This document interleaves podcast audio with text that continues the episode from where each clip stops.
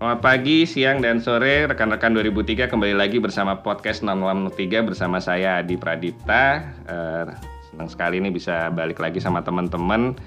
Masih dalam suasana reuni 2003 yang baru berlangsung minggu lalu. Semoga reuni itu FUI uh, 0603 Reunite bisa menyatukan kembali kita, menyatukan kembali silaturahmi di antara kita, menghidupkan peluang-peluang bisnis, menghidupkan kembali kisah-kisah lama kalau ada Nah, masih dalam suasana reuni kali ini, kita podcast 0603 juga kedatangan reunian lagi dengan Ed Pecandu Film atau kita kenal dengan Bro Oboy. Apa kabar nih Bro Oboy? Halo Bro Adi, selamat pagi.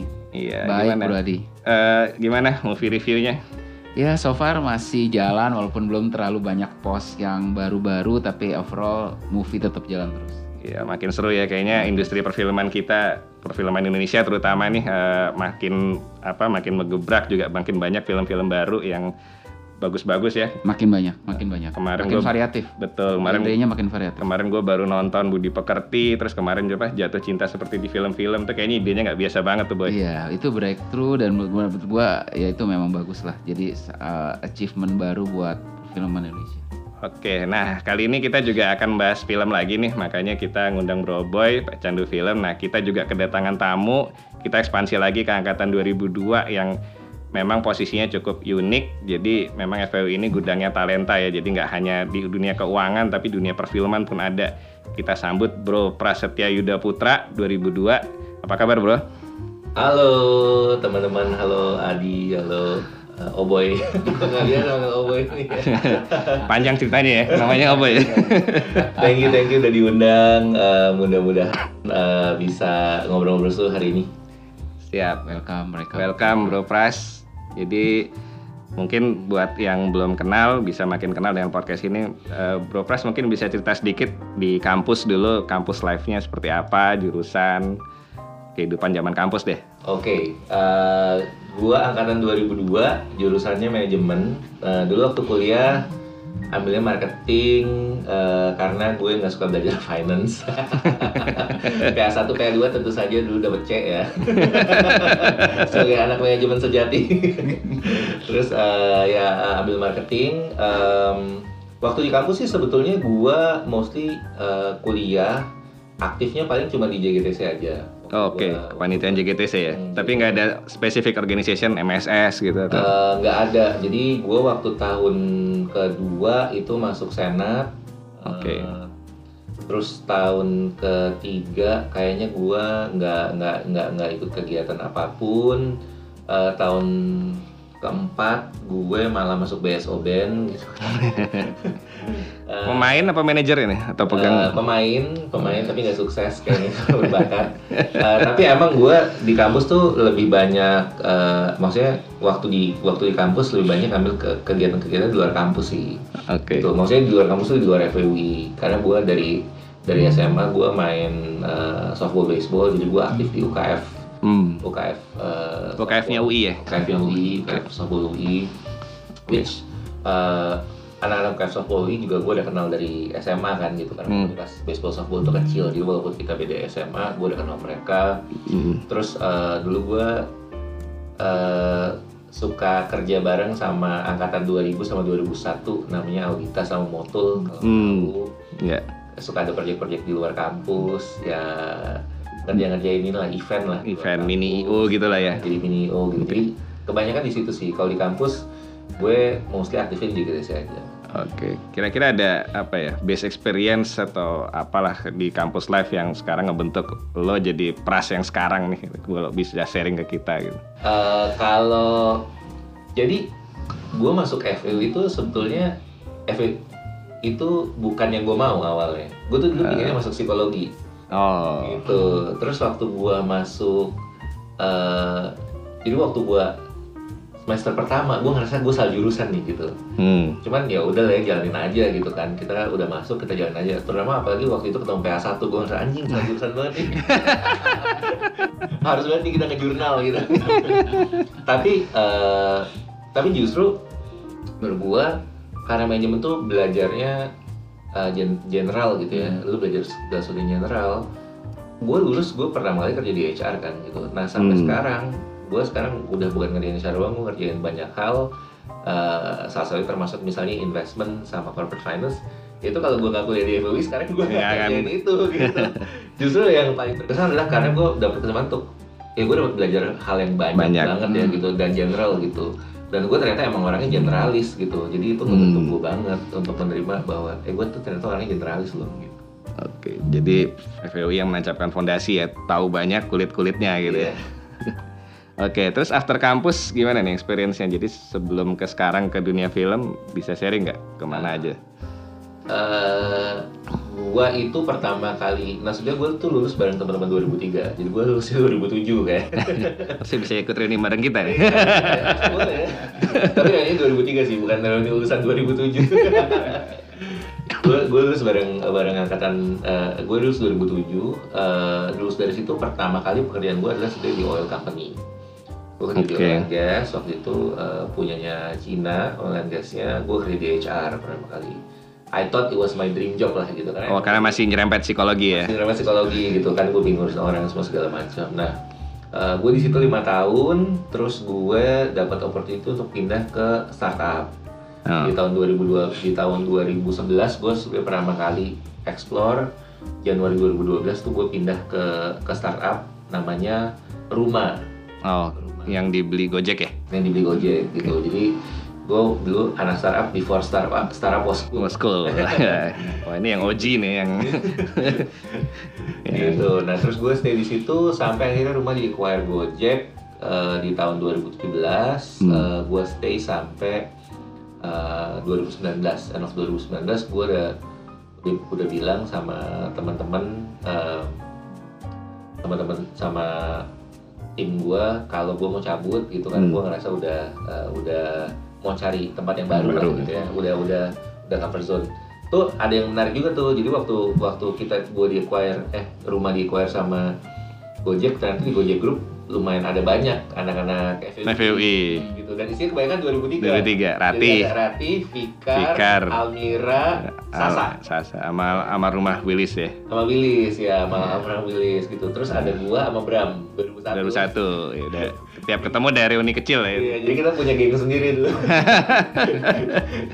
geng FUI di Goto. Oh, jadi sempat pas di Aquarius sempat join dulu ya sebelum akhirnya. Jadi resignnya posisinya dari Go- eh, Goto ya. Udah. dari Gojek Group. Gojek Group, Gojek Group ya. Jadi Goto, eh, FUI Gojek Group ya. Jadi risetnya gue dari Gojek Group. Gue sempet ke kita bisa sebentar Hmm. banget, eh, tapi ternyata memang nggak sesuai sama apa yang gue cari. Hmm. Nah, terus gue ketemu di Selfie Cinema, jadi gue Oke. pindah ke sinema. Nah dari rumah terus Gojek itu masih pegang, oh, sorry, yang balik awal start, eh, oil tadi itu benang merahnya tetap dimegang orang ya, eh, Yes. people HR gitu ya. Pegang orang. Oke, itu jadi kalau bisa dibilang spesialisasi lo dan branding lo tuh uh, people manager lah ya. Iya. Uh, memang udah passionate dari dulu di psikologi juga gitu ya. Ya, ya. Oke, nah terus join Visinema posisinya nih cukup menarik kalau lihat Chief of Culture gitu. Itu bisa cerita nggak ya? Sampai culture ada chiefnya khusus gitu. Ya jadi sebenarnya kalau uh, title-nya dulu waktu awal join Chief People and Culture Officer itu Hmm. sebenarnya cukup common sih kalau Hmm. kalau di di startup gitu ya. Hmm. Um, nah uh, waktu gue join Fisher memang belum ada gitu kan mereka cuma punya HR manager aja. Hmm. Tapi saya waktu gue pertama kali masuk Fisher um, gue ditawarin sebenarnya posisinya jadi jadi yang sekarang jadi COO gitu cuman eh, karena gue juga istilahnya branding gue ngelekat banget gitu sebagai orang quote unquote orang HR kayaknya emang perlu soft landing jadi gue Hmm. masuk as chief people and culture dulu supaya lihat bahwa oke gue jadi orang yang eh, punya expertise di eh, people and organization and culture masuk untuk bantu menata itu kalau berhasil baru role-nya mulai di-expand supaya kayak soft landing lah gitu Hmm. masuk ke organisasinya. Nah, em, sebetulnya sih banyak orang yang mikir posisinya Chief People and Culture itu adalah urusin orang sama bikin culture gitu. Hmm. Hmm. Padahal esensinya bukan bikin karena culture itu sebenarnya yang yang bikin itu adalah uh, foundernya. Gitu. Oh. Culture itu pasti align sama foundernya kenapa dia diriin bisnis ini, Hmm. dia mau mencapai apa dan segala macam. Nah, tugasnya gue adalah mereplikasi itu atau men-scale itu gitu biar itu bi- kalau kalau company-nya gede dari tadinya cuma 30 orang jadi 100 orang Hmm. terus jadi 1000 orang bahkan itu proses uh, culture uh, apa embedmentnya itu tetap jalan gitu karena kan nggak Hmm. bisa terus-terusan CEO-nya yang ngelakuin atau foundernya yang ngelakuin gitu jadi sebenarnya jadi corong sih Hmm. gimana itu jadi punya struktur jadi punya sistem untuk bisa ditanamkan sama pegawai-pegawai yang baru terus-terusan yang yang masuk yang baru terus-terusan gitu. supaya culture-nya juga align terus ya Betul. Val- value-nya sama betul nah ini kalau orang Astra tahu banget ini Iya. Gue juga sebagai mantan grup Astra. Nah. juga. nah itu menarik sih karena memang banyak perusahaan lagi berusaha eh, membentuk culture ini ya. Termasuk kantor gue lagi ada project terkait culture. Nah gue bisa belajar banyak nih dari dari pakarnya ini. Gimana sih build good culture? Tadi kan lu bilang lebih top down berarti ya Top dari down. dari apa eh, foundernya gitu. Nah ini supaya penerimaannya juga dari grassroots juga eh, nggak menimbulkan friksi itu gimana tuh, Bro Pras? Jadi num- number one adalah sebenarnya kan harus di define dulu gitu. Eh, apa sih value-nya perusahaan ini? Eh, terus diterjemahkan jadi culture yang seperti apa. Tapi yang penting adalah kenapa value itu penting gitu. Karena Hmm. kan walaupun lu sama misalnya kalau semua bank itu kan pasti integrity itu value Iya. ya kan pasti semua bank gitu kan. Hmm. Ya kalau nggak integrity nggak mana ada orang yang di bank Iya, ya kan. Pasti betul. buat semua bank integrity itu Nomor satu. ya. Hmm. Tapi definisi dari integrity itu pasti bisa jadi berbeda-beda Hmm. di setiap bank Oke. definisinya ya, definisi yang detailnya gitu kan sampai level apa. Nah itu itu nanti akan diterjemahkan ke sampai ke level culture Betul. sebetulnya gitu. Eh, nah itu yang paling penting nomor satu. Nah ketika itu udah terjadi maka sebenarnya yang pertama dimulai adalah lu ngerekrutnya based on itu, ngerekrut orangnya Hmm. based on value and culture tersebut. Karena kalau lu udah salah ngerekrut orang, ubahnya udah susah. Itu jauh Oke, lebih susah. Lebih susah. Ya, bukan nggak bisa ya, tapi Nggak, jauh lebih susah. Effortnya lebih besar. Eh, biayanya juga mungkin lebih besar gitu kan. Eh, potensi berantemnya juga, juga lebih tinggi. Tapi kalau dari awal lu udah nge-hire orang yang align culture-nya sama value-nya udah lebih gampang ke depannya Oke. ketika gede. Nah, kalau itu nggak di-set dari awal, ya misalnya nggak ada nggak ada nggak ada uh, tim HR atau tim people and culture yang ngejaga itu dari awal, ya pasti lo akan ngerekrut siapa? Orang yang lo ngerasa Satu culture sama lo. ngerasa tuh culture sama lo, tapi Iya. belum tentu padahal Iya, karena iya. tidak di-assess secara objektif. Objektif. Gitu. Nah, kalau case-nya kalau startup mungkin punya luxury emang mulai dari awal dari nol gitu ya. Kalau organisasi besar kayak tadi misalkan tempatnya Oboy Astra gitu udah ada puluhan tahun, itu gimana nge-rebuild culture-nya? Atau bahkan mungkin mereka belum tahu udah melakukan satu hal yang bagus, ternyata itu bisa di-define that's their culture gitu. Itu gimana tuh? Jadi eh, ya pertama balik lagi ya ha- harus di-define dulu. Nah setelah di-define dilakukan yang namanya culture assessment. Hmm. ke orang-orang dan culture assessment-nya dimulai dari paling atas. Kenapa dimulai dari paling atas? Karena lu harus tahu kalau let's say misalnya ada level direktur nggak align culture-nya sama lo, udah pasti ke bawahnya lebih banyak yang nggak align. Hmm. Karena mereka akan lebih align sama direkturnya. Hmm, Oke. Karena culture itu di shape sama atasan, mau nggak mau. Pasti dari atas ya. Pasti dari atas gitu. Jadi di assess dulu di atas, terus Hmm. baru makin turun ke bawah, makin turun ke bawah. Nanti kelihatan nih, oh ternyata ada grup ini yang culture-nya masih ada kurang sesuai, atau ternyata ada orang ini yang dia eh, kurang sesuai gitu. Nah baru di situ diintervensi dengan ya bisa dengan training, bisa ada program campaign, bisa banyak hal yang bisa dilakuin intervensinya. Hmm.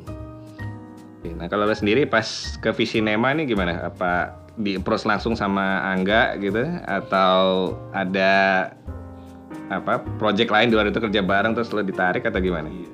Eh, serendipity sih sebetulnya gue tuh. Jadi eh, sebetulnya gue sama Angga temen SMP. Jadi Oh, Angga tuh sebenarnya angkatan 2003, uh, Oke, gue angkatan 2002, cuman uh, waktu SMP kita main bareng lah, kita sama-sama anak futsal, jadi suka suka main bareng. Nah, um, waktu itu gue di, di kita bisa memang karena gue udah ngerasa uh, it's not my place gitu ya, Iya. dan gue gue udah ngajuin, uh, gue udah resign waktu itu Hmm. dari kita bisa, jadi posisi gue lagi transisi dua bulan. Hmm. Nah, pas pandemi itu kan eh, kayak kayak Agustus eh sorry September 2020 gue lupa antara Agustus September 2020 tuh waktu itu Philcop ngeluarin sepeda kerja sama sama elemen gitu. Waktu itu kan Hmm. sepeda lagi booming banget tuh Iya, iya. pandemi kan. Fiksi ya? Enggak ya? Enggak, sepeda lipat. Sepeda Sepeda lipat. lipat, sepeda lipat Philcom. Oke, oke. Nah, abang ipar gue yang tinggal di Bali itu pingin banget punya gitu kan. Waktu itu di launch, dia coba beli online, Gak dapet. nggak dapet. Di Tokopedia juga nggak dapet. Ini eksklusif ya? Produksi terbatas gitu? produksi terbatas, Hmm. nggak dapet kan waktu itu. Wah, ini banget ya. Terus dia dari sama gue, bantuin dong cariin, ada nggak di toko di Jakarta karena dia tinggal di Bali kan. Hmm. Wah, gimana ya? Terus gue inget-inget, kayaknya Angga nih salah satu pemegang sahamnya Philcop nih ya, gue kontak aja gitu kan. Bro, gitu. Enggak, gue mau beli sepeda dong gitu. Enggak, enggak, gue nggak minta dikasih, gue Eh. gini gini. Bilang, oh ada nih, lu datang aja ke kantor, ke kantor, ketemu, ngobrol sama Angga. Ya kita up lah ya, udah nggak ketemu, pas pandemi juga gitu kan. Tapi dia nggak masuk UI ya? Dari dari SMA nggak pernah bersinggungan lagi di kampus berarti? Eh, dia masuk UI tapi dia ilmu politik waktu itu, Oh, visi. uh, fisis. Jadi Oke. emang nggak nggak nggak bersinggungan. Oke, oke. Nah eh, ngobrol, dia cerita tentang Visinema gimana, udah sampai mana. Gue gue selalu tahu sih Visinema gimana karena waktu dia diriin pertama kali juga di 2008 dia juga cerita sama gue Hmm. gitu kan. Dia juga minta advice gitu kayak gue ngurusin orang gimana semua segala macam ya. Itu itu udah terjadi eh, dari dulu lah gitu. Nah em, dia cerita Visinema sekarang gimana, terus Visinema waktu itu dia juga cerita Visinema udah dapat investment dari Indo Ventures sama Jadi Ventures. Hmm. terus dia punya mimpi mau ngegedein mau nge-scale gitu. Oh terus dia tanya gue kabarnya terus gue bilang ya gue lagi lagi proses nih lagi cabut dari kita bisa. Terus bilang yaudah lu bantuin gue aja deh sini gitu. Hmm. terus kayak wah gimana ya? Gitu. Entertainment nih gitu kan. Terus dia tapi ya dia bilang gini sama gue lah lu kan juga dulu dari oil pindah ke startup bro gitu. Iya. Ya juga ya gitu jadi sebenarnya kagak kagak nekat-nekat banget Iya. Dan dan dari FUI kan juga JGTC entertainment sudah. Iya. entertainment udah jalurnya jadi artis. udah jalur artis nih. iya gitu jadi oh, gitu sejarahnya ya. Eh, eh, jadi ya udahlah coba aja gitu dulu gue pikir kayak ya let's say let's try lah dulu waktu gue pindah ke rumah pun eh, founder dan CEO gue waktu itu Ali Hmm. bilang sama gue lu cobalah if we succeed we succeed big if we fail we fail big. Nah gue waktu masuk di rumah juga dengan mental yang sama. Ya udah gue coba deh. Kalau gue succeed gue succeed big. Kalau gue fail gue fail big. Ya udah tiga tahun lebih sekarang. Betah ternyata. Oh, ini tahun ketiga ya berarti di sini. Eh, gua baru gua Oktober 2020 jadi Oktober 2023 kemarin. Oh, Terus sekarang gua udah masuk tahun keempat Startnya pas pandemi pula ya. startnya pas pandemi Jadi wah itu kebayang tuh challenge-nya Eh, kerja work from home terus bioskop juga sepi ya. Eh, Tutup. Tutup malah. Tutup, tutup, tutup. Nah, ini bisa cerita nggak gimana awal masuk, badainya apa aja nih, terus adaptasinya gimana gitu? Eh, waktu masuk badai pertama eh, company-nya nggak punya source of income yang bukan nggak punya source of income source of income yang paling gedenya lagi nggak nggak jalan karena Which bioskop is tutup film, ya. which is film karena bioskop Hmm. tutup kan ya Hmm. source of income lain ada masih jalan tapi ya cash cow-nya kan dari film Oke. beda banget kalau bawa di kita bisa source source of income-nya lagi gede-gede Lagi gede-gedenya. soalnya lagi pandemi jadi lagi banyak donasi masuk Iya, iya, iya. waduh buyeng juga nih ya gitu company source of income yang terbesar Hmm. lagi tapi di situ gua eh, eh, fokusnya pertama adalah build moral sih build moral dari dari employee-nya gitu kan karena Hmm. ya nggak bisa ngapa-ngapain Hmm. dan yang paling penting waktu itu gua ngobrol sama Angga pokoknya an- teman-teman nggak boleh berhenti gerak karena kan ini kan dunia kreatif jadi Hmm. mereka nggak boleh kayak ya udah tunggu aja nih kita mau Iya. ngapain Hmm. tetap mikir Iya. apa apa apa nah waktu itu beberapa inisiatif waktu gua masuk udah dimulai jadi udah waktu itu udah pertama kali eh, punya itu streaming platform kita eh, udah sempat jalan tapi masih acak-acakan gua masuk gua restructure terus gua restructure orang yang ada dalam supaya eh, bisnis ini ada yang taking care of Itu kayak Netflixnya Netflix, ya. Indonesia gitu. Iya. Netflix harus terima gitu. Eh, Gampang. ya tapi kita model bisnisnya pay per view jadi nggak langganan jadi Oh, kan sekali film bayar berapa Iya, gitu ya. betul. Murah kok, cuma lima ribu sampai dua ribu. Jangan lupa teman-teman kalau mau lihat konten Indonesia berkualitas ya. Iya, ya. Bioskop online.com. Yes. Nah, eh, jadi itu habis itu eh, kita mulai eh, banyak ke B2B. Jadi mulai banyak ke B2B. Eh, kita kan punya banyak IP gitu kan. Hmm. Kita punya Keluarga Cemara. eh, waktu itu yang gede kita punya Love for Sale. Kita punya eh, Ben Yodi.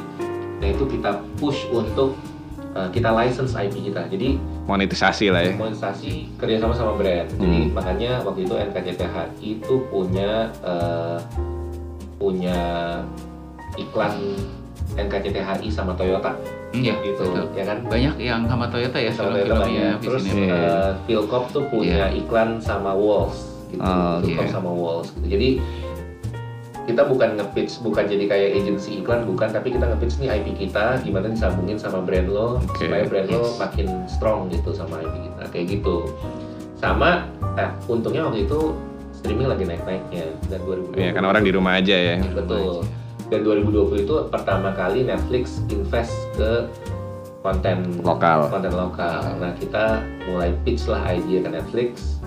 Eh, ya kita dapat project dari Netflix waktu itu sama dari View untuk kerjain eh, dua project. Kalau dari Netflix itu hari ini akan kita ceritakan nanti udah keluar Iya. filmnya. Hmm. Kalau dari View waktu itu Pretty Little Liars lumayan jadi ada revenue stream masuk. Masuk. Gitu. Itu yang sequelnya yang RKTCHI berarti ya? Hari ini akan kita nanti bukan sequel berarti uh, prequel. Prequel. Prequel ya? Oh iya. Bukan yang kale ya, yang di yang pas Bukan, pandemi ya. Nah, kalau kalian spin off, nah Spin banyak off. gilanya ada Iya. spin off, ada sequel, ada Iya. prequel. Oh, gue lebih jago Nah, sebenarnya. ini Nggak jelasin itu. Mau nanya dikit, Bro Pras, waktu eh, pertama mau coba mengapa ya, memben- eh, mengimprove lah ya company culture di dunia film inilah ya, TV sinema. Ada challenge nggak dibanding yang company-company sebelumnya sama, sama orang film tuh gimana sih? Eh, challenge-nya ada dua.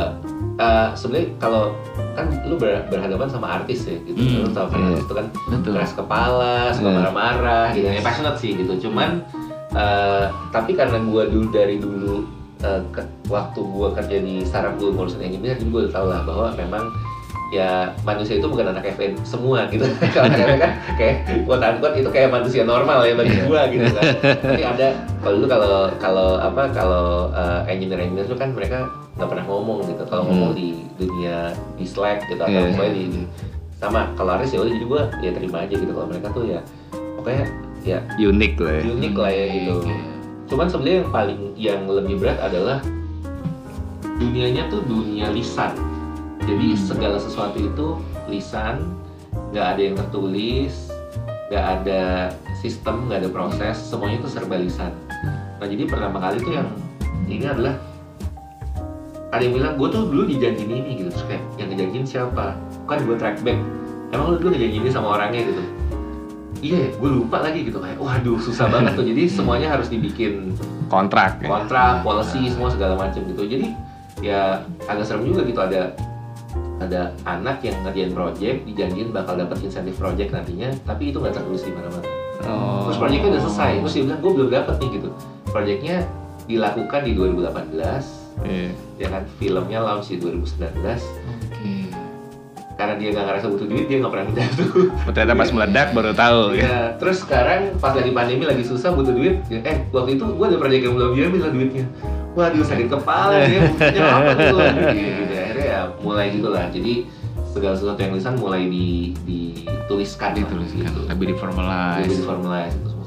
Sama pendaftaran IP-nya juga kali ya. Yang penting kan itu kan. Kalau itu udah jalan, kalau itu udah Oh. jalan karena Hmm. uh, kita kan ada legal supportnya kan, Hmm. itu itu udah develop semua. Cuman justru lebih kayak ke people management ya, itu by lisan aja semuanya, Oke. gitu.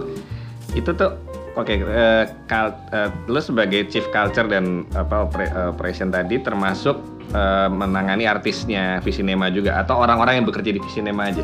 Cuman orang-orang yang bekerja di sinema. Oh, gitu. Nah, cuman salah satu challenge-nya adalah gue harus mem- me- me- memastikan bahwa orang-orang yang bekerja di sinema, karena kan mereka banyak berhubungan sama pihak luar, sama artis, sama talent, sama kru, itu benar-benar menampilkan citra Visinema. benar-benar di sinema gitu. Kan ya dulu ada eh, baru tahun ini adalah kasus mungkin Oboy tahu tentang sutradara yang Iya. harass Ya, eh, oke. artis gitu Iya. itu nggak bisa terjadi di Visinema. Nah, gue harus memastikan bahwa setiap orang Visinema yang bekerja di sebuah project nggak akan melakukan itu. Itu harus gue train dan Termasuk tim projectnya ya. termasuk tim projectnya. eh, sutradaranya. Jadi benar-benar di track record belakang pernah ada yang nggak selaras sama visinya Visinema gitu ya. Itu kita lakuin.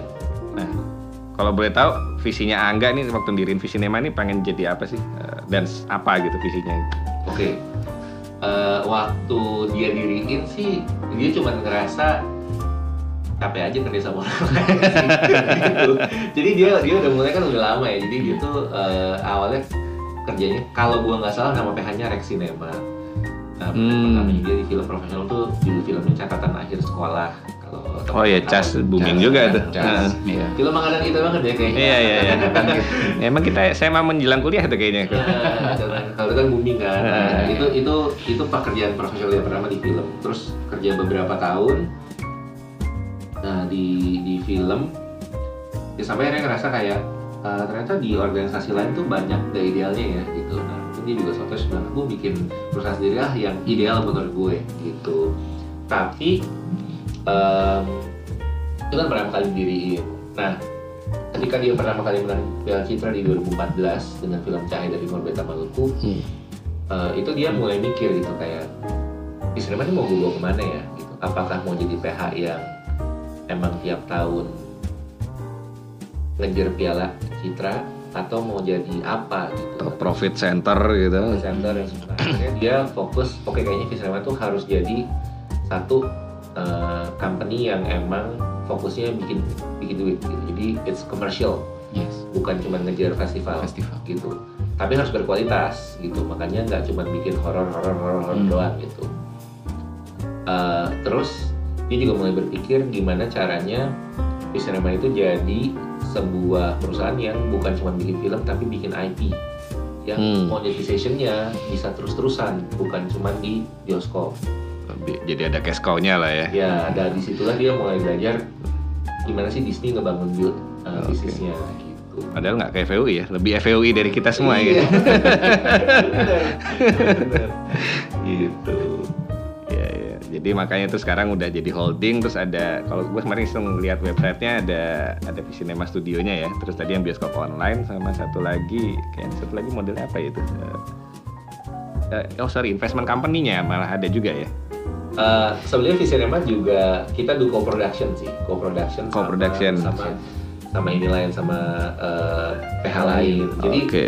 uh, di bulan Oktober kemarin ada dua filmnya Visinema yang masuk ke Busan International Film Festival, which Hmm, is 13 bom itu bukan? bukan Nah, jadi itu, itu Busan in-house ya itu. in-house ya. Jadi Busan International Film Festival ini film festival nomor satu di Asia Oke. dan nomor empat di dunia. Jadi Kayak Cannes gitu. ya kalau kan kan di dunia Nah. nomor satu di Asia. Asia. Yes. Em, kita punya dua film di situ uh, Ali Topan jadi uh, IP lama Hmm. sama 24 jam bersama Gaspar. Gaspar. 24 jam bersama. Nah, dua film ini sebenarnya co-production sama PH lain. Oke. 24 jam ini yang nanti Netflix ya kalau nggak salah ya. Uh, Netflix, Netflix. Netflix. Dia langsung nggak ke langsung direct ke itu ya platform ya? Betul. Langsung dari Iya. Januari ya beroperasi ya. di Maret. Maret ya? Di Maret. Di Ali Topan juga nggak ke bioskop ini? bioskop belum memang belum. Februari. Februari. Oke, tadi lu sempat mention juga ada funding dari luar gitu ya. Nah, eh, bisa cerita nggak itu proses roadshow-nya? Terus berarti itu termasuk tanggung jawab lo ya di divisi Nema ya, yang bikin pitch book segala macem gitu terus.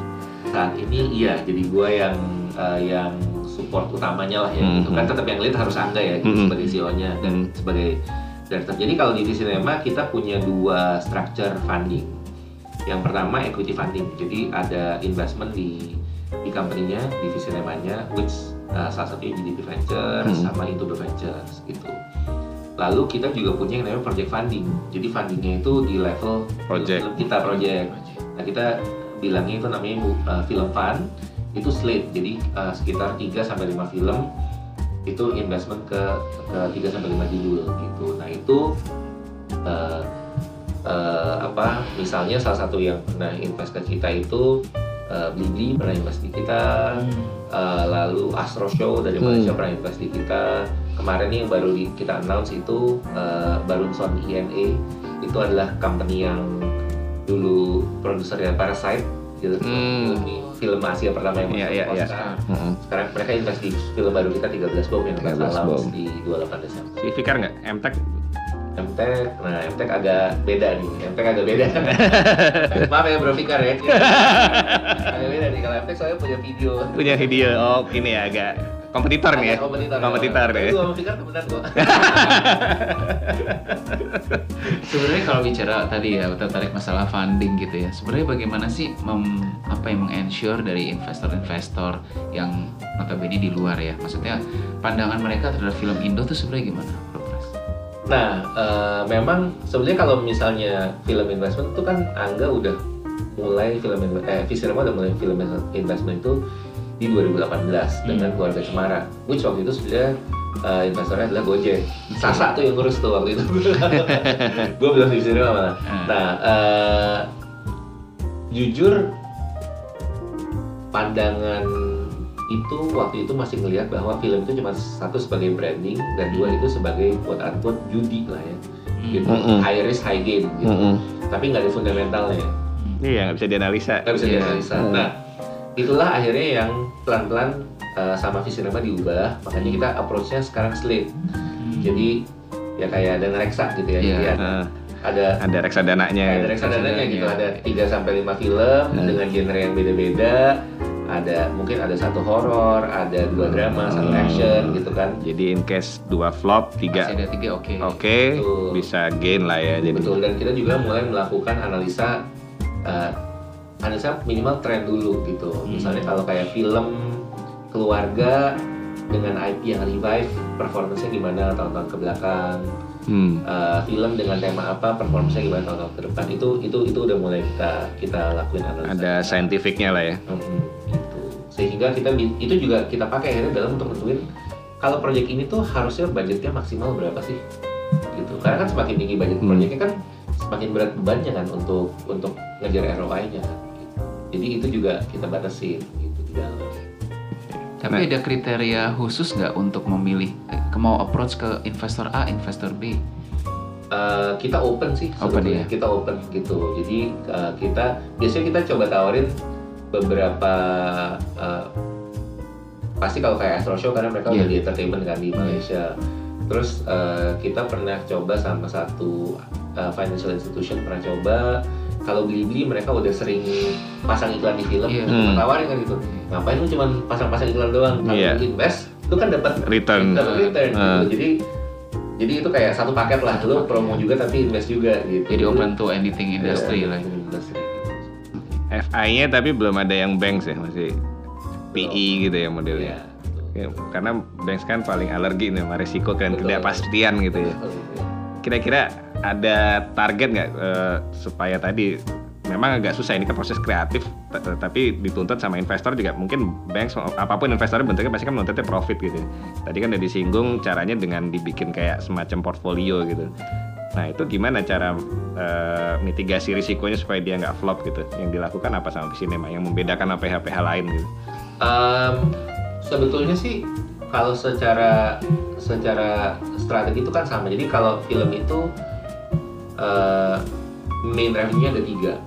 Jadi bukan bukan satu. Jadi di masa saat ini main revenue-nya ada tiga. Bukan cuma tiket penonton yang pertama, tapi yang kedua adalah sponsorship gitu kan. Jadi brand placement dan lain-lain. Yang ketiga adalah sebenarnya eh, OTT licensing atau istilahnya kita film kita bilangnya P2. Jadi eh, tayang di OTT licensing itu juga mendapatkan eh, uang kan. Nah, yang bisa lakukan adalah kita forecast penontonnya berapa, which itu yang paling nggak pasti. Hmm. Tapi OTT licensing karena kita udah punya pengalaman, kita bisa tahu lah kira-kira film ini bakal dibeli berapa, dino lah budgetnya Hmm. OTT berapa. Sama brand sponsorship karena kita juga udah punya pengalaman untuk kerja sama brand dan kita license IP kita ke brand juga. Ini juga dua hal yang kita bisa secure dan ini secure sebelum production dimulai. Sehingga kita sebenarnya bisa hitung sebenarnya lu butuh berapa sih untuk ngejar penontonnya supaya Hmm. bisa bisa break even point gitu.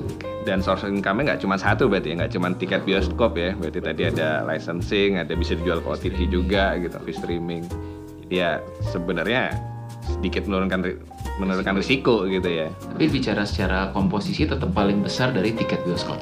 Sebenarnya bukan paling besar, tapi paling besar potensinya. paling besar potensi. Paling besar potensinya. Karena kan tiket bioskop nggak ada limitnya kan gitu. Yes. Tiba-tiba lu tonton 2 juta penonton gitu. Hmm. Gede banget gitu instead of tapi dari hitung-hitungan kita, let's say misalnya sebuah film gitu ya, ini hypothetically speaking itu dengan brand sponsorship yang masuk terus dengan Hmm. dengan harga yang gue dapat dari OTT streaming sebetulnya gue cuma butuh 400 ribu nih penonton supaya bisa BEP. BEP, BEP. gitu. Hmm. tapi kalau ternyata film yang satu setengah juta ya nikmat lah ya gitu.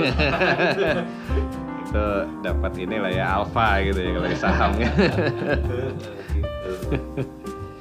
seperti beggar dia jadi oke nah dari berapa tahun keempat nih jalan ya? Eh, ada worry ini nggak sih ket- ketakutan industri-nya kan volatile gitu ya. Terus apalagi kompetitor juga banyak nggak cuma dalam negeri dari luar negeri kita lihat regional pun juga film-film Thailand Korea itu juga bagus-bagus India apalagi favoritnya Yes. Obo ini akhir-akhir Ah. ini ini gimana dari Bro Pras sendiri ngeliat nih sebetulnya eh, kalau kita kalau di dalam itu justru kalau lihat market justru sangat menarik karena marketnya lagi tumbuh ya tumbuh justru Hmm. gitu jadi GDP kita kan baru aja lewat 5000 Indonesia which ketik eh, kalau kita lihat ke negara-negara lain kayak Brazil eh, Meksiko eh, Korea juga dulu.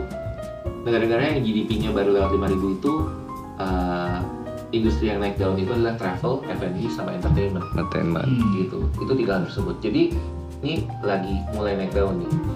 Itu yang pertama. Yang kedua sebetulnya kalau lihat sama yang lebih dekat eh, XXI baru IPO Yes. mereka mulai buka bioskop-bioskop di luar daerah. Iya. mungkin as of today bisa dibilang eh, udah 50-50 pendapatannya XXI antara bioskop luar Jawa sama di Jawa eh luar Jabodetabek sama Jabodetabek gitu mungkin kalau kita ngomong sebelum pandemi mungkin 80-20 80 dari Jabodetabek Hmm. Sekarang udah 50-50 jadi ada penonton baru kan di, Hmm. di luar gitu jadi lagi growing nah kalau misalnya sama sama eh, kompetitor dari dari negara tetangga gitu ya kayak India, eh, Singapura, Malaysia, Korea dan lain-lain. Yang menarik adalah justru kita bisa belajar sih gitu. Kalau misalnya ada kenapa sih konten Korea disukain? Kenapa sih konten Hmm. ini disukain? Itu kan justru jadi kesempatan buat eh, industri film lokal itu untuk naikin kelasnya gitu. Oh gaya penceritaannya harus kayak gini. Istilahnya taste-nya udah jadi lebih bagus kan gitu. Ya kan? Hmm. kalau kita lihat Korea gitu detailnya bagus banget ya kalau misalnya kita ngelihat konten Korea gitu kayak detail eh, background environment dan semua segala macam gitu kalau kita dulu nonton sinetron kan kayak ini kenapa ya ada sofa sofa tengahnya hijau Iya. tapi sofa kanannya merah Nah. gitu kan. ini low budget banget sih Nah, sekarang kan karena udah terbiasa nonton yang bagus jadi Naik standarnya. naik, gitu. Standar naik. sehingga kalau standarnya naik production desainnya harus naik budgetnya bisa naik sebetulnya gitu jadi jadi bagus sebetulnya invasi quote unquote invasi dari asing dengan adanya OTT, OTT uh, streaming juga menarik dengan film-film kita masuk ke OTT streaming ditonton juga kan di luar ya. iya gitu sehingga ada banyak kesempatan untuk unjuk gigi lagi remake lah, Ah, gitu. benar sebetulnya kalau ada kan ini ada IP dia yang bagus gitu kan Iya. IP dia yang bagus gitu bisa kali di remake versi Indonesia Indonesianya. kalian pasti ngadain lokal Lokal juga. gitu.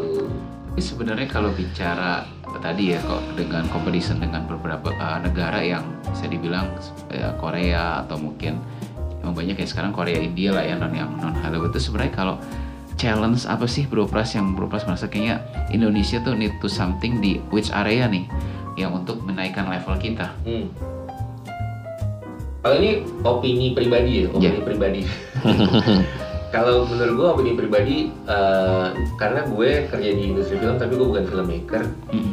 Kayaknya filmmaker Indonesia yang kebanyakan masih masih seniman banget. Jadi dia bikin karya buat dirinya sendiri. Hmm, Buat ibu- buat ego. Bukan crowd pleaser bukan, gitu. Hmm. bukan, ya nggak harus crowd pleaser juga tapi Iya. kan harus uh, sen, apa uh, Audience center to sense, audience iya. center gitu kan harus Oke, harus ada yes. audience sense-nya gitu nah itu yang menurut gua masih perlu belajar lah gitu Hmm. masih masih ada beberapa yang yang masih perlu belajar gitu lebih ke idealis gitu ya berarti. Iya kayak ya kayak seniman gitu kan. Iya. Gua bikin painting for me gitu kan. Oke. Gitu. atau tapi kalau gue ngeliat justru yang film lokal di apa di bioskop gitu ya temanya masih seragam gitu kalau nggak ya horror lah ya terutama gitu. Nah itu apakah memang selera masyarakat kita masih situ dan PH jadi main aman di situ? Atau sebenarnya ada juga nih keinginan PH untuk bikin suatu hal yang quote unquote mencerdaskan masyarakat gitu. Oke. Jadi sebenarnya uh, kalau menurut gue setelah pandemi gue lihat landscape-nya PH itu jadi kembali dua kan. Ada Hmm. PH yang gede gitu Hmm. kayak MD, Star Vision dan lain-lain. Terus ada PH-PH yang baru lah uh, yang lebih progresif, Imaginary, Hmm. terus PH-nya Umay sama Prilly gitu yang uh, mereka lebih progresif gitu. Nah, horor itu memang jalan masuk untuk penonton baru Hmm. gitu. Hmm. Jadi kalau kalau orang daerah gitu misalnya orang Tarakan gitu kan, ini pertama kali Hmm. Tarak- uh, bioskop dibuka Tarakan, itu awal-awalnya yang ramai pasti horor Hmm. Hmm. karena itu emang uh, pasti orang bikin nonton horor pertama kali ini ah, ada horor nih ayo nonton gitu. Dan di Iya. bioskop jadi different Bioskop different gitu. sensation ya. Different Iya. Itu pasti. Hmm. Tapi untuk orang itu terus ke bioskop nggak mungkin horor terus-terusan, Iya. ya kan? Pasti Yes. fatigue juga lama-lama. Hmm. Makanya perlu Yes. ada. Jadi different genre ya. different genre gitu. Jadi horor itu adalah istilahnya hooknya lah. Pertama kali experience-nya memang harus horor sih, mau nggak mau. Gitu. Hmm. Tapi setelah itu karena udah biasa nonton, udah biasa lihat mungkin di di YouTube Iya. atau di di platform streaming, di view dan lain-lain lihat oh film bagus kayak gini akan coba nonton di bioskop. Tapi emang masih proses edukasi kan, gue bilang Hmm. kayak masih baru Iya. banget ininya industri growing. Oke. Nah, Angga sendiri sekarang bagi ininya gimana ya kesibukan dia kan CEO juga, terus mereka director juga masih jalan gitu ya. Dia sekarang mau directing yang sesuai idealismenya dia atau ada proyek bagus yang wah ini harus dijaga kepercayaan investor ya harus Angga langsung yang turun itu gimana? Eh, kalau Angga sekarang dia em, cuman boleh directing dua konten setahun. Jadi either dua Hmm. film atau dua film, eh satu film, satu series gitu. Hmm. Eh, dia punya liberation untuk milih eh, kontennya apa, tapi dia punya punya ambisi untuk selalu naik kelas gitu kan. Jadi Hmm. kayak Hmm. abis gua ngedirect ini, gue selanjutnya ngedirect apa lagi ya gitu. Oke. Yang bikin gua jadi secara sutradara, secara artis jadi lebih lebih jago lah. Hmm. Gitu. Hmm. Hmm. Eh, ya sehari sehari jadi CEO akhirnya gitu. Cuman ya udah lama juga sih setiap syuting tuh kan dia cabut sekitar 30 sampai 40 hari gitu. Jadi yang gantiin lo deh pasti. Iya, cosplay, Cosplay. Cosplay, dia CEO-nya masih maju ya, Bro Pras ya. cosplay lagi. Itu juga gue baru sih tau kan dia banyak-banyak gue keseringan cosplay. Beda, bro.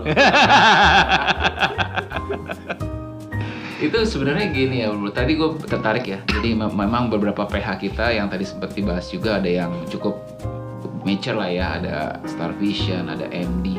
Lalu ada mulai nih kayak mulai yang ada Imaginary, ada juga yang ada Prilly ya yang di ketika berhenti di sini tuh filmnya. Nah itu kan cukup dalam dua production tiba-tiba booming gitu ya. Nah itu kira-kira kalau dari Visinema ini menempatkan mereka ini seperti apa ya bro? Eh, melihat mereka ini seperti apa gitu? Eh, kita ngeliat mereka as a fellow industry aja sih Hmm. gitu kita ngeliat mereka as a fellow industry karena Hmm. kita beli banget kuenya tuh masih gede banget Kuenya masih gede banget ya? kuenya masih Oke. gede banget gitu Oke. saat ini nggak ada nggak ada satupun PH termasuk Visinema itu Iya. yang nam- bisa bilang kita number one Yes. belum ada ya bisa Hmm. bilang Klaim gua market leader nih. Gua gitu. market Belum leader ada ya? gitu. Oke. karena marketnya masih growing kok Oke. Gitu. kalau gue bisa bilang gue market leader hari ini tahun depan belum tentu karena tahun depan masih growing terus marketnya gitu jadi kalau kalau bisa bilang gue sekarang market leader dengan let's say misalnya 12 juta penonton tahun ini Iya. gitu Iya. tahun depan dapat 12 juta penonton lagi belum tentu market leader Belum karena tahun tentu. depan Bisa aja bisa grow lagi bisa grow Hmm. lagi jumlah penonton Nah ini bicara growing industry ya kan gua mau coba dari sisi hulunya dulu nih. Eh, satu berarti kan talent pemain gitu ya, terus direkturnya sama cerita nih. Nah itu ngikutin juga nggak eh, kemampuan jadi talent jumlahnya artis makin banyak, aktor aktrisnya, sutradara juga, terus cerita ceritanya juga eh, supply-nya ada terus nggak? Itu gimana? kalau cerita pertama kalau cerita orang Indonesia tuh kreatif kreatif banget Hmm. cerita ceritanya itu banyak banget yang menarik tapi untuk itu satu eh, kalau film itu kan audiovisual kan audiovisualnya seperti apa sama yang kedua eh, gaya penceritanya seperti apa Hmm. ya kan So, yang engaging ke audience dan lain-lain itu kan yang yang penting Hmm. jadi kalau ide ceritanya sih banyak banget Nggak pernah habis lah ya. nggak pernah habis tapi nanti gimana eksekusinya supaya jadi jadi film jadi konten yang bagus itu beda lagi Nah itu berhubungan sama yang kedua kan, berarti sama filmmakernya. Hmm. Yes. Sama filmmakernya. Tadi gue bilang, filmmakernya udah mulai tumbuh, udah mulai banyak, eh, yang muda-muda, banyak juga sebenarnya em, generasi di bawah kita yang beruntung yang bisa sekolah di luar negeri, sekolah film, Film. gitu kan. Kalau dulu kita bilang mau sekolah film di luar negeri Susah. dilempar kan. Orang tua. Saya masih beda ya. Ke luar negeri sekolah Iya. film gitu, di aja itu sono gitu. Eh, udah ada jadi mereka punya punya punya pandangan yang berbeda, punya POV yang berbeda karena biasa mungkin di sana kerja magang Iya. sama sama industri di luar bawa itu juga bawa perspektif beda juga. Jadi secara talent juga lagi growing. Nah ini lagi transisi lah dari dari yang senior senior banget kayak Hmm. Mbak Mira, Mas Joko Iya. ke yang lebih jauh lebih muda lah gitu kan. Itu lagi lagi in transition proses. Yang jadi problem emang sebetulnya Aktor dan artis. aktor dan Betul. aktris, Aktris. gitu. Karena di Indonesia belum ada satu proses yang eh, terstruktur untuk bikin talent itu. Sekolah aktor tuh ada padahal IKJ ya. Iya. Tapi juga sih.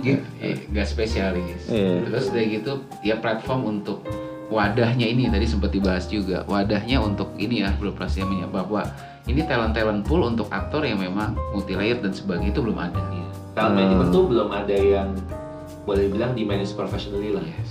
Nah. Visinema nggak mau masuk ke arah situ tuh, sekalian bikin Eh, sekolah acting gitu kan. ah. Itu kayaknya peluang bisnis baru. ya kita sedang memikirkan lah kita sedang Oke. memikirkan tapi it- it's something yang kita kita pikirkan udah lama tapi kan ya kita juga harus pertama stay true to our core dulu juga kan Iya, iya. it's something yang interesting to interesting to explore tapi belum ada apa-apa Sampai kan ya di- apa sampai ada jokesnya film Indonesia aktornya kalau nggak Reza ya Reza lagi gitu. Iya, tadi juga seperti itu. Jadi memang kalau gua ngelihat itu salah satu yang kalau gue ngelihat dari apa ya movie review gitu ya, ya memang untuk aktor yang apa ya lead actor ya balik lagi ujungnya antara Reza atau Vino gitu. Jadi memang tapi memang ya dua ini ya kapabilitasnya oke gitu. Nah tinggal bagaimana memang kalau menurut gue sendiri memunculkan leading leading aktor baru yang mungkin dengan generasi di bawah yang memang menurut, menurut gue belum terlalu kelihatan. Nah itu menjadi salah satu yang to be evaluate di movie industry kita sih. ya mungkin kalau misalnya ada teman-teman di sini yang udah capek gitu kan dari kantor nah, ini mau main film aja oh boy nih kayak ceritanya pindah pindah gimana, Bro? Pindah industri. Dari movie reviewer jadi director dong gitu. Waduh, tadi makanya sempat gue terus terang tertarik dengan dunia movie, makanya sempat nanya mungkin apa sih kalau dari apa ya mungkin yang beginning-beginning kita nih yang ada passion di film dan kira-kira apa sih kira-kira yang bisa kita uh, lakuin gitu loh untuk starting in the movie industry gitu. Ada. Apa sih yang bisa kita mungkin uh, coba gitu?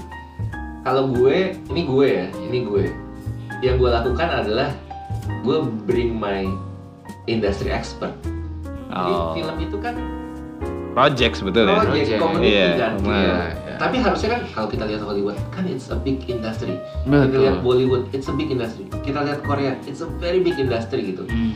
CJ Entertainment tuh wah gila sih Iya, gede iya. banget gitu Iya, valuationnya jadi ya kita masuk dengan kerja hand to hand sama para filmmaker itu yuk kita bikin jadi industri yang sehat Hmm. kita bring industry expert gitu ya lo kerja di bank bantu lah gimana sih supaya proyek-proyek film itu bisa bankable Iya. gitu kan Iya, iya. gimana sih caranya atau gimana sih eh, proyek film bisa dapat pinjaman dari bank gitu karena nggak filmmaker itu nggak punya pengetahuannya bro Mereka artis ya tadi. iya Iya. mereka artis Iya. gitu Jadi begitu ada something yang mereka ada apa ya skill atau eh, knowledge baru itu pasti akan di open oleh mereka ya. Iya.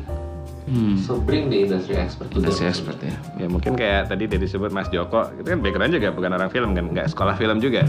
Dari dia start dari Iya, kayak lo ya, movie reviewer gitu Jadi kan. movie reviewer. Eh, Movie terus dia reviewer. bisa jadi mungkin bisa gitu kali bro. Oke ya bro ya Iya. kita lihat. ya. Kalau Angga juga nggak sekolah film ya? Uh, Dia dia ada pendidikan formal terkait filmnya nggak sih? enggak enggak ada Kalau Jadi, dia Learning by doing ya. iya learning by doing tapi emang dari SMA udah suka ikut movie competition Hmm. gitu kan dulu waktu zaman di SMA tuh bukan tuh ada close up movie Iya. competition apa apa gitu dia udah suka ikut Ikutan. dulu, jadi Emang passionate di situ ya. emang di situ emang punya talent lah di situ Iya iya. Nah ini dari pelaku industri sendiri, lo sebagai pelaku industri ada ini nggak sih hope atau advice nggak sih ke pemerintah nih?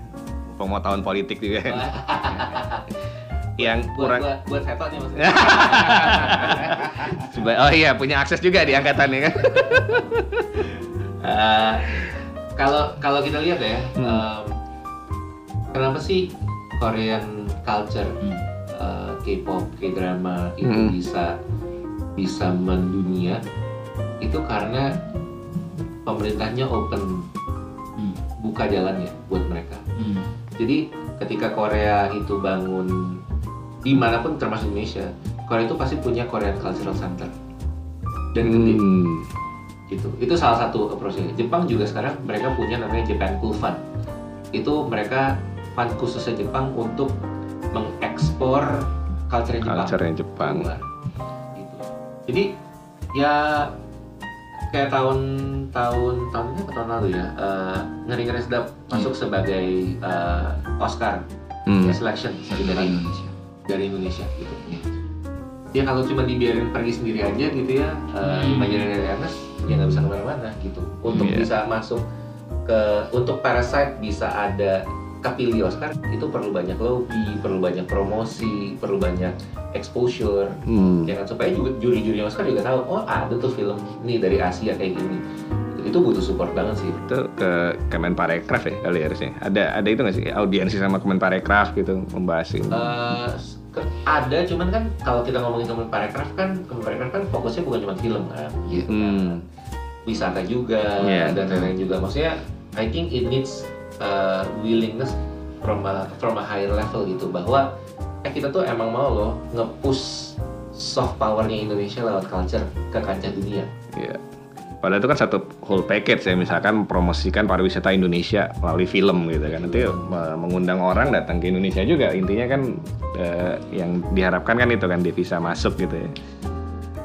Tadi sempat tertarik sama ngeri-ngeri sedap nih Bro Pras ya. Jadi kan itu sebenarnya film salah satu culture di salah satu daerah yang memang ya kita sebut Medan lah ya sebenarnya cuman secara exposure dan jumlah penontonnya mencapai hampir 2 juta 1,8 juta ya. 1,8 juta. 1,8 juta. Jadi first movie-nya Ernest yang Imaginary kan sebenarnya itu kan Benedion sutradaranya.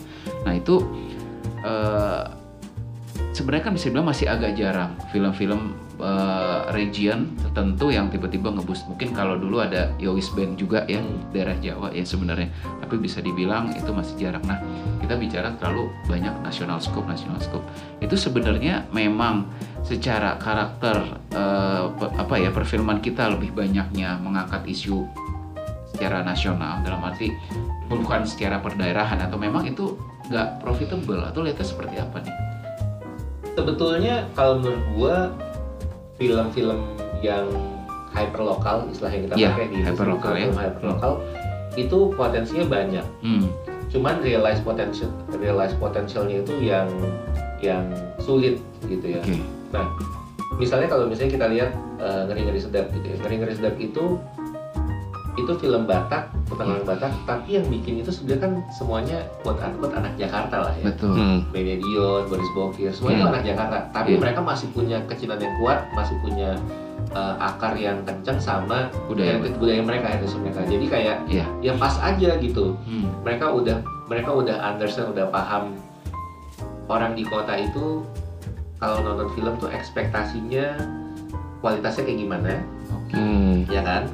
Tapi mereka juga masih deket sama rootnya sehingga bikin film yang temanya hyperlokal itu masih relevan temanya dan masih nyambung Relevan. dan tahu eh, apa sih eh, apa istilahnya konflik-konflik itu eh, relatable banget sama Iya. kehidupan sehari-hari. Nggak cuma orang Batak yang ngerasain. Orang Batak yang ngerasain. Hmm. Jadi mereka punya apa? eh, mereka punya local wisdomnya, tapi mereka punya universal eh, glassesnya gitu Hmm. untuk untuk bisa deliver itu. Jadi sense ke audiensnya dapat, ke lokalnya juga dapat. ya? Betul. Nah, sekarang kalau filmmaker lokal yang Iya. misalnya filmmaker Makassar gitu, Iya. ya mereka masih kacamatanya masih kacamata lokal, banget, Lokal makanya banget jadi ya. jadi nggak bisa laku di nasional. Jadi emang harus punya dua-duanya gitu. Oke. Dua. Potensinya sebenarnya banyak banget. sih. Potensinya banyak, cuman bagaimana tinggal em, apa ya mengetahui eh, sense audiensnya seperti apa, Iya. terus menjualnya juga seperti apa ya. betul Dan dibuat jadi kekinian juga kali ya. Betul. ya maksudnya kayak misalnya gini ya kita semua pasti punya teman Batak gitu kan Hmm. Hmm. terus pasti teman Batak kita itu masalahnya sama kayak si Boris Bukir Iya. orang tuanya maunya dia kawin sama Batak Iya. itu kayak itu universally Iya. orang yang kenal orang Batak tuh kayak tahu gitu Jatuh cinta karena marga gitu. Kita tahu gitu makanya kayak Iya. wah ada tebel banget nih temen gua nih malah yeah. orang Batak gitu. Jadi bagus banget ininya eh, angle-angle itunya gitu.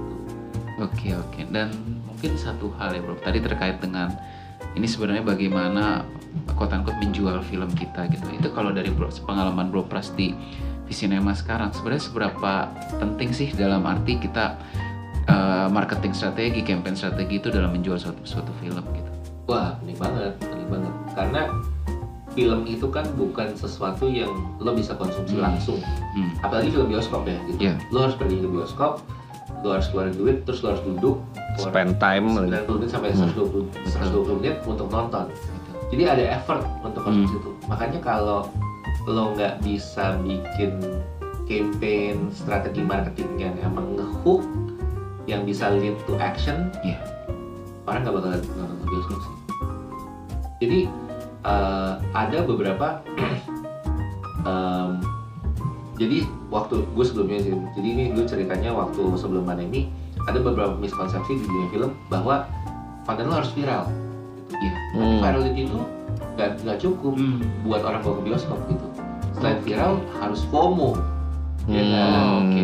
FOMO-nya jadi penting dong ya. Kalau viral Hmm. doang, wah rame nih gitu gitu. Iya. Ya udah rame doang gitu. Iya. wah rame nih. Kalau gua nggak nonton, ya. kalau gua nggak nonton rugi nih. Iya, Iya, iya, iya. nonton gitu. Jadi segera nonton nih yang gitu. penting itu Jadi itu, itu jadi penting banget sih. oke Tapi kayak kadang-kadang yang gua rasain sekarang lebih dibikin FOMO dan viral ya tapi kontennya sendiri kalah gitu gue nggak sebut berapa filmnya lah tapi kadang gue ngeliat gitu tuh eh, rame dibahas akun-akun Twitter pas sampai nonton kok segini doang gitu Iya. kira gue lebih percaya yang independen lah kayak pecandu film gitu ya barometer utama gue I think- sayangnya itu sih Ya, I think itu tergantung sama eh, market utama dari film itu sendiri apa dan siapa.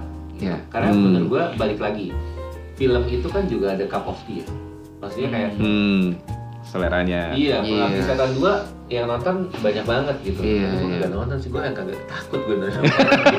Jadi maksudnya emang Iya, iya. viral FOMO tapi gue tetap nggak akan nonton sih gitu. betul Maksudnya betul FOMO juga sih orang-orang nonton gitu ngomongin gitu pingin nonton juga tapi kayak tapi kayaknya gue lebih takut jadi maksudnya mungkin emang itu bukan buat lo gitu Oh, Eh, iya. jadi karena kan emang ada emang ada taste ya kan yang relatable lah gitu kayak Hmm. misalnya tadi ketika berhenti di sini atau kukira kau rumah iya kalau menurut gua filmnya bagus yes tapi gua kagak relate sih gitu tentang Hmm. anak muda mental banget anak ya muda banget tentang mental health Hmm. tentang Iya, iya. is- isunya tuh kayak iya iya "Ah, kenapa sih kalian lemah-lemah banget gue tapi buat anak seumur gitu pasti Relate banget. Relate banget. "Ih, gua banget Iya, katanya iya, iya, iya. generasi strawberry in, intriguing tapi maksudnya ya emang film tuh punya penonton sendiri Iya, iya. sendiri punya betul penonton sendiri simply nggak kena di gue karena lu bukan masanya situ gitu kan Iya, iya. Memang eh tadi yang gue sempet ini ya kalau apa sayang banget memang kalau marketing strategi itu nggak tepat gitu. Karena gue ngelihatnya gini eh bioskop kita tuh sensitif. Jadi dalam arti mereka tuh kejam.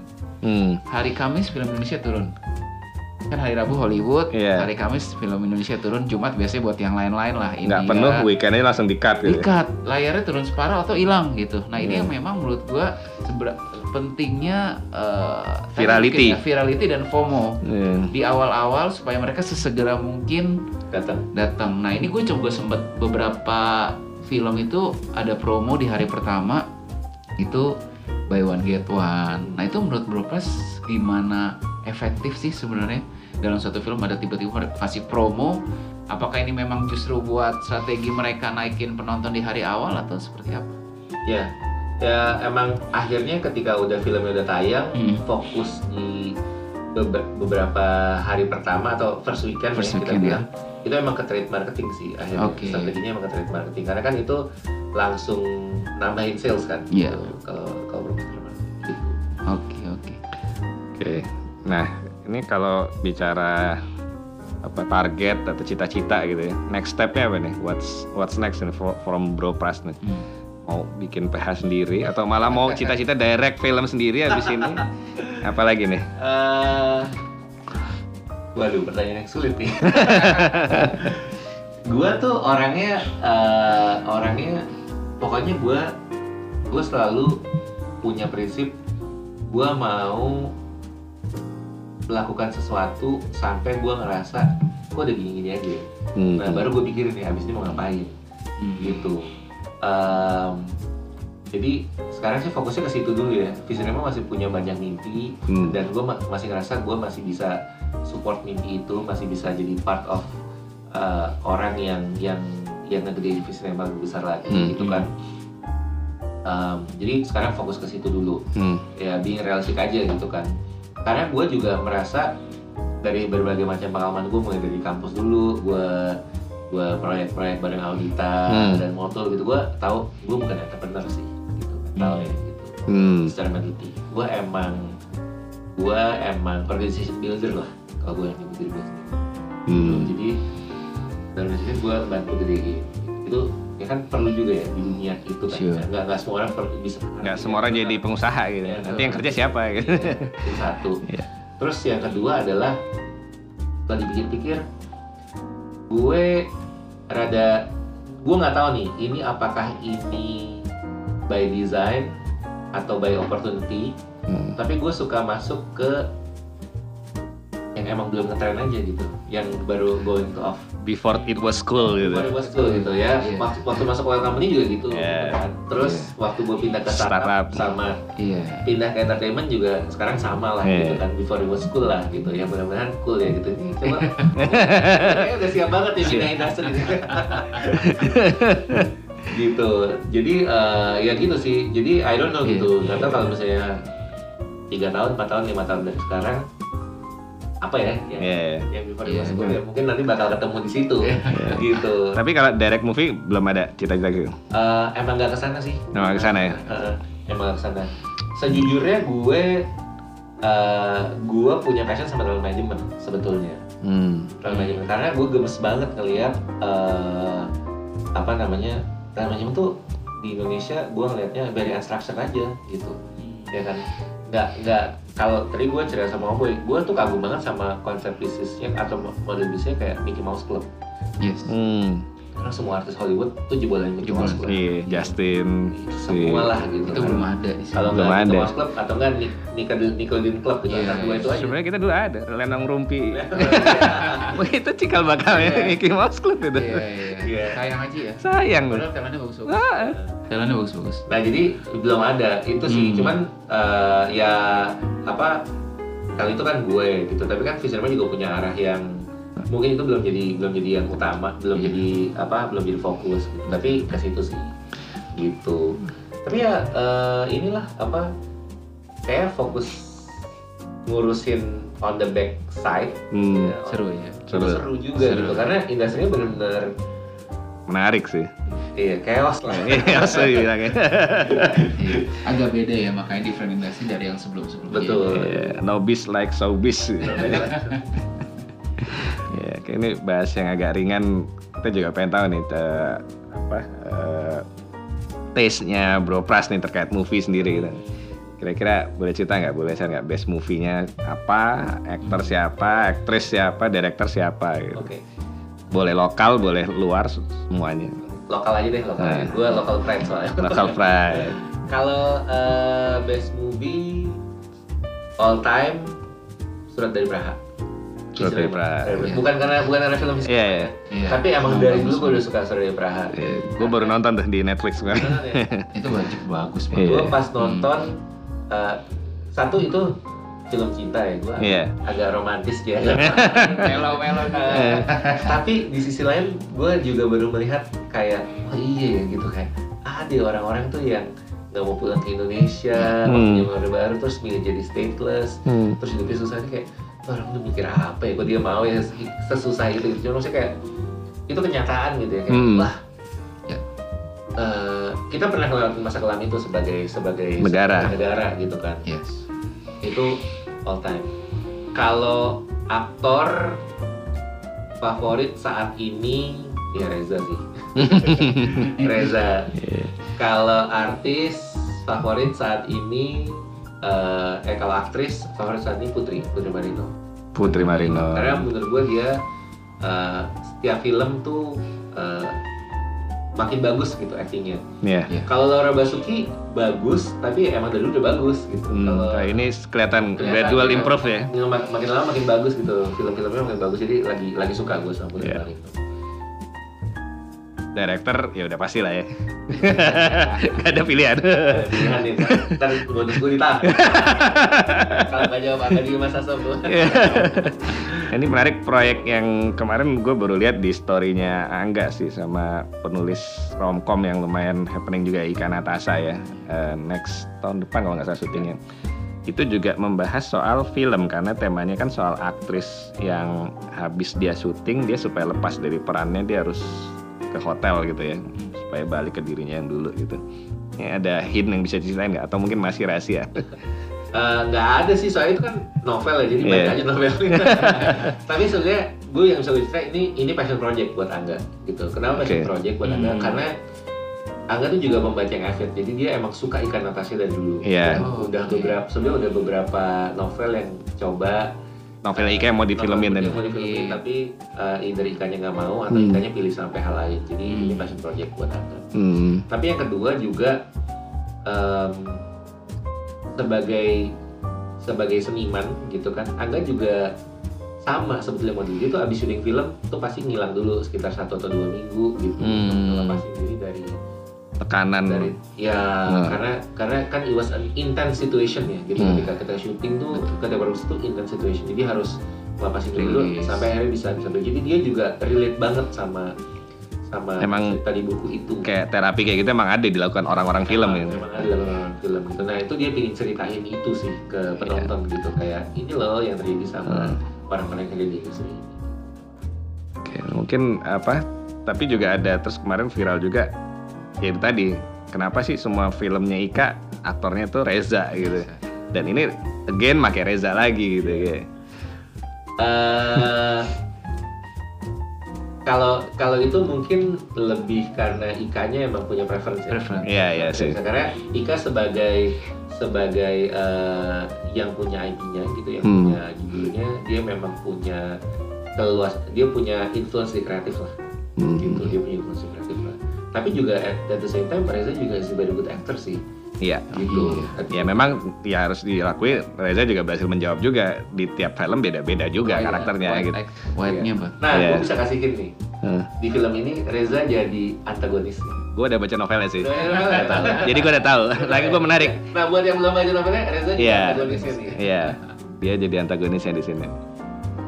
Oke, nggak kerasa udah lama dan obrolannya benar-benar seru, berdaging banget nih dari hari ini. gue juga banyak insight banget soal dunia film. Nah ini mungkin sebagai penutup, Oboy sama Bro Pras ada ini nggak statement nggak? Mungkin dari gue dulu nanti dari Bropas terakhir ya, Ya. sebagai key speech kita. Kalau Hmm. dari gue sih basically balik lagi ya dari tadi summary kita memang kalau bicara film itu everything about ya. tidak bisa dipasangkan tapi memang bagaimana uh, filmmaker itu mencoba untuk memappingkan audience preference seperti apa itu satu hal yang penting. Di mana memang kalau kita lihat uh, filmmaker filmmaker kita masih ada PR lah di sana seperti itu kalau gue dari reviewnya ya. Nah tapi kalau bicara market betul memang kita bicara market akan terus growth untuk industri film. Di mana kalau menurut kuenya masih banyak banget bagaimana tinggal cara dari production production ini menggrabs kue itu gitu. Kalau dari gue sebenarnya potensi masih banyak banget. Yang, yang penting adalah gimana audiens itu trust sama film Indo. Menurut gue itu satu-satu yang penting dan mereka tidak merasa waduh benar kata di Bro Pras bilang. Kita udah effort ke bioskop kita udah spend 2 jam yang tadi harusnya mungkin dilakukan dengan orang yang lain dan kita juga harus bayar parkir dan sebagainya. Kita merasa satisfied dengan filmnya. Kita merasa trust dan kita juga merasa oh ternyata film-film Indonesia itu cukup bagus. Nah itu yang mungkin terus harus dibuild trustnya dari audiens Indonesia kalau menurut gue itu. Tapi gue rasa film Indonesia akan terus sukses akan terus berkembang. Semoga nanti bisa terus mencapai level-level yang lain. Gitu kalau gue. Ya, Bro Pras. Um, kalau dari gue as a sebagai pelaku industri gue bisa lihat bahwa film Indonesia is a, in a trajectory untuk jadi lebih bagus gitu.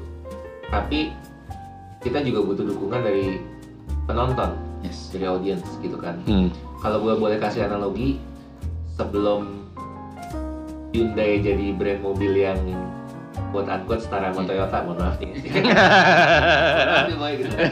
sekarang boleh dibilang ini di, pers- di persis Iya. setara sama Toyota Iya. dulu Hyundai ya quote unquote dipakai sama orang-orang Korea dulu Hmm. gitu. Nah kalau temen-temen ngerasa kalau kita kalau benar-benar believe bahwa film Indonesia itu bisa setara sama konten Korea, sama Iya. konten Hollywood, ya ditonton, dikasih kesempatan, Kasih chance. dikasih chance, ditonton di bioskop dikasih chance supaya industrinya bisa gerak, bisa tumbuh Oke. gitu. Dan jangan nonton horor-horor, nggak boleh nonton horor. Tapi maksudnya jangan cuma nonton horor, tapi tonton Yang lain. lah tonton yang lain.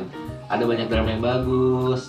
Kisrama bakal ngeluarin film action di 28 Desember 2023 ini, judulnya 13 Bom Jakarta. Tapi ada banyak ada film ada banyak film komedi yang bagus. Ini film Iya. komedi bagus-bagus. So, please give chance untuk film Indonesia pergi ke bioskop nonton supaya industri bisa grow. Dan nonton di platform yang legal ya pastinya. Nah, itu udah pasti Wajib. dong. Jangan dong. Kalau anak FEW pas nggak nggak nonton di platform yang ilegal dong. Iya. Kalau kemarin yang di apa jangan seperti film jatuh cinta film film jangan nonton yang translatornya lebah ganteng. Iya, iya. Ya, Oke, thank you banget nih waktunya Bro Pras, Bro Oboy atau Bro Denny. Semoga makin sukses pecandu film dan Visinema juga. Dan teman-teman 2003 jangan ragu untuk follow your passion karena ini ada dua teman kita yang eh, pilihan hidupnya juga nggak nggak hanya standar anak FWI dunia keuangan, tapi ternyata juga bisa berhasil di dunia non keuangan. Oke, stay safe everybody. Semoga sukses dan sehat selalu. Adi Pradita sign out.